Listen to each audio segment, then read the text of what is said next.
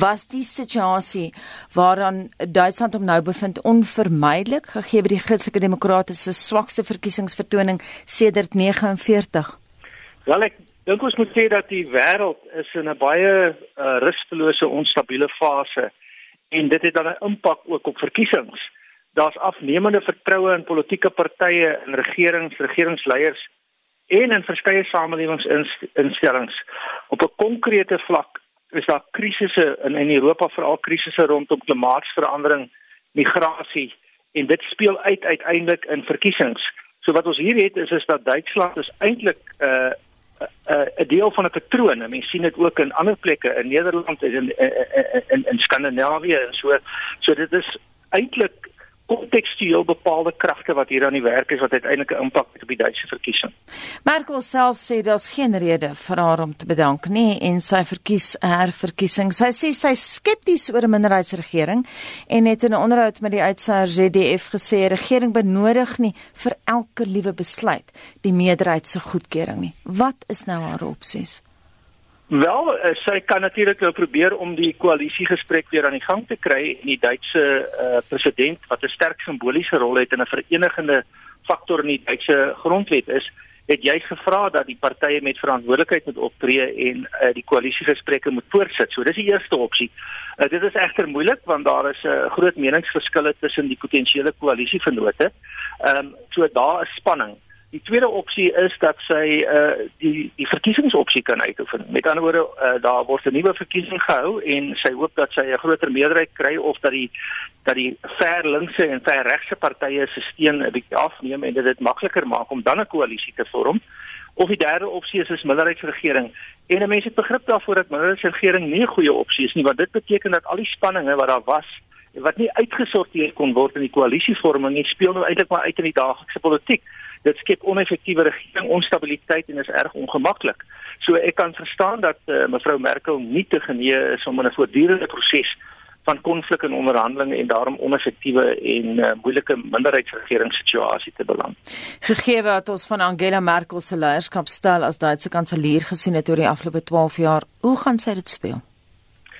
Sy uh, is 'n baie oorwoë, deurdagte en strategiese uh, uh, regeringsleier sy baie ervaring.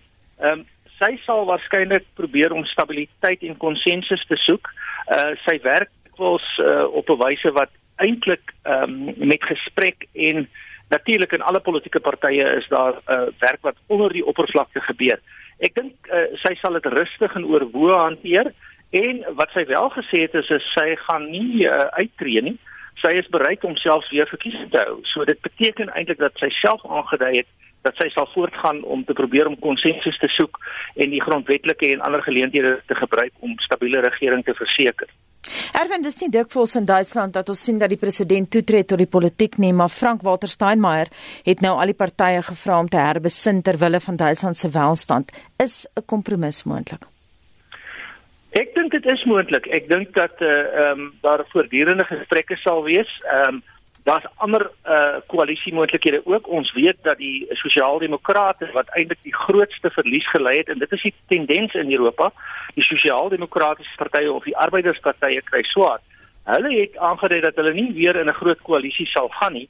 Uh wat dit is alles onder oorweging. As dit in die belang belang is van Duitsland en met sterk simboliese oproepe en die Duitse ehm um, meestal konsensus soekende, stabiele en orde soekende volk en nasie uh mag Steinmeier uh se beroep baie ernstig opgeneem word en uh en en selfs die die die sosiaal-demokratiese party weer terugkom in 'n koalisiegesprek.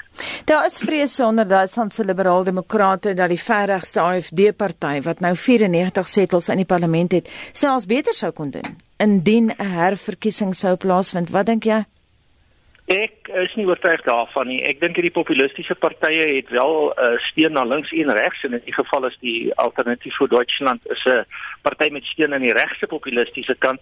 Maar wat ook gebeur het intussen is is dat die hoofstroompartye, mevrou Merkel se eie party, ehm um, in 'n samewerking met die eh uh, haar vennote in Beiere, die die eh uh, Christen Sosiale Unie, Hulle het eintlik ook effens na regs geskuif, nê? Mevrou Merkel het 'n baie uh, oper migrasiebeleid gehad, maar sy het intussen besluit sy gaan vir haar politieke oorlewing nie daarmee voort nie En dit beteken eintlik dat die dat die regse populiste se se potensiële steun basis kleiner geword het. So ja, hulle kan dalk nog 'n bietjie groei, maar ek dink nie hulle word 'n bedreiging om uiteindelik 'n meerderheidsparty te word nie. Watter implikasies hou dit alles in vir Duitsland se beeld as 'n stabiele ekonomiese en politieke reus? Daar is in alle lande uh ook in in baie stabiele lande van tyd tot tyd politieke uh uh situasies wat wat lei na matige onstabiliteit. Maar ons moet nie onderskat hoe ingebed is die Duitse regstaat, die die die grondwetlike uh staat en 'n regstaat nie en die instellings is sterk.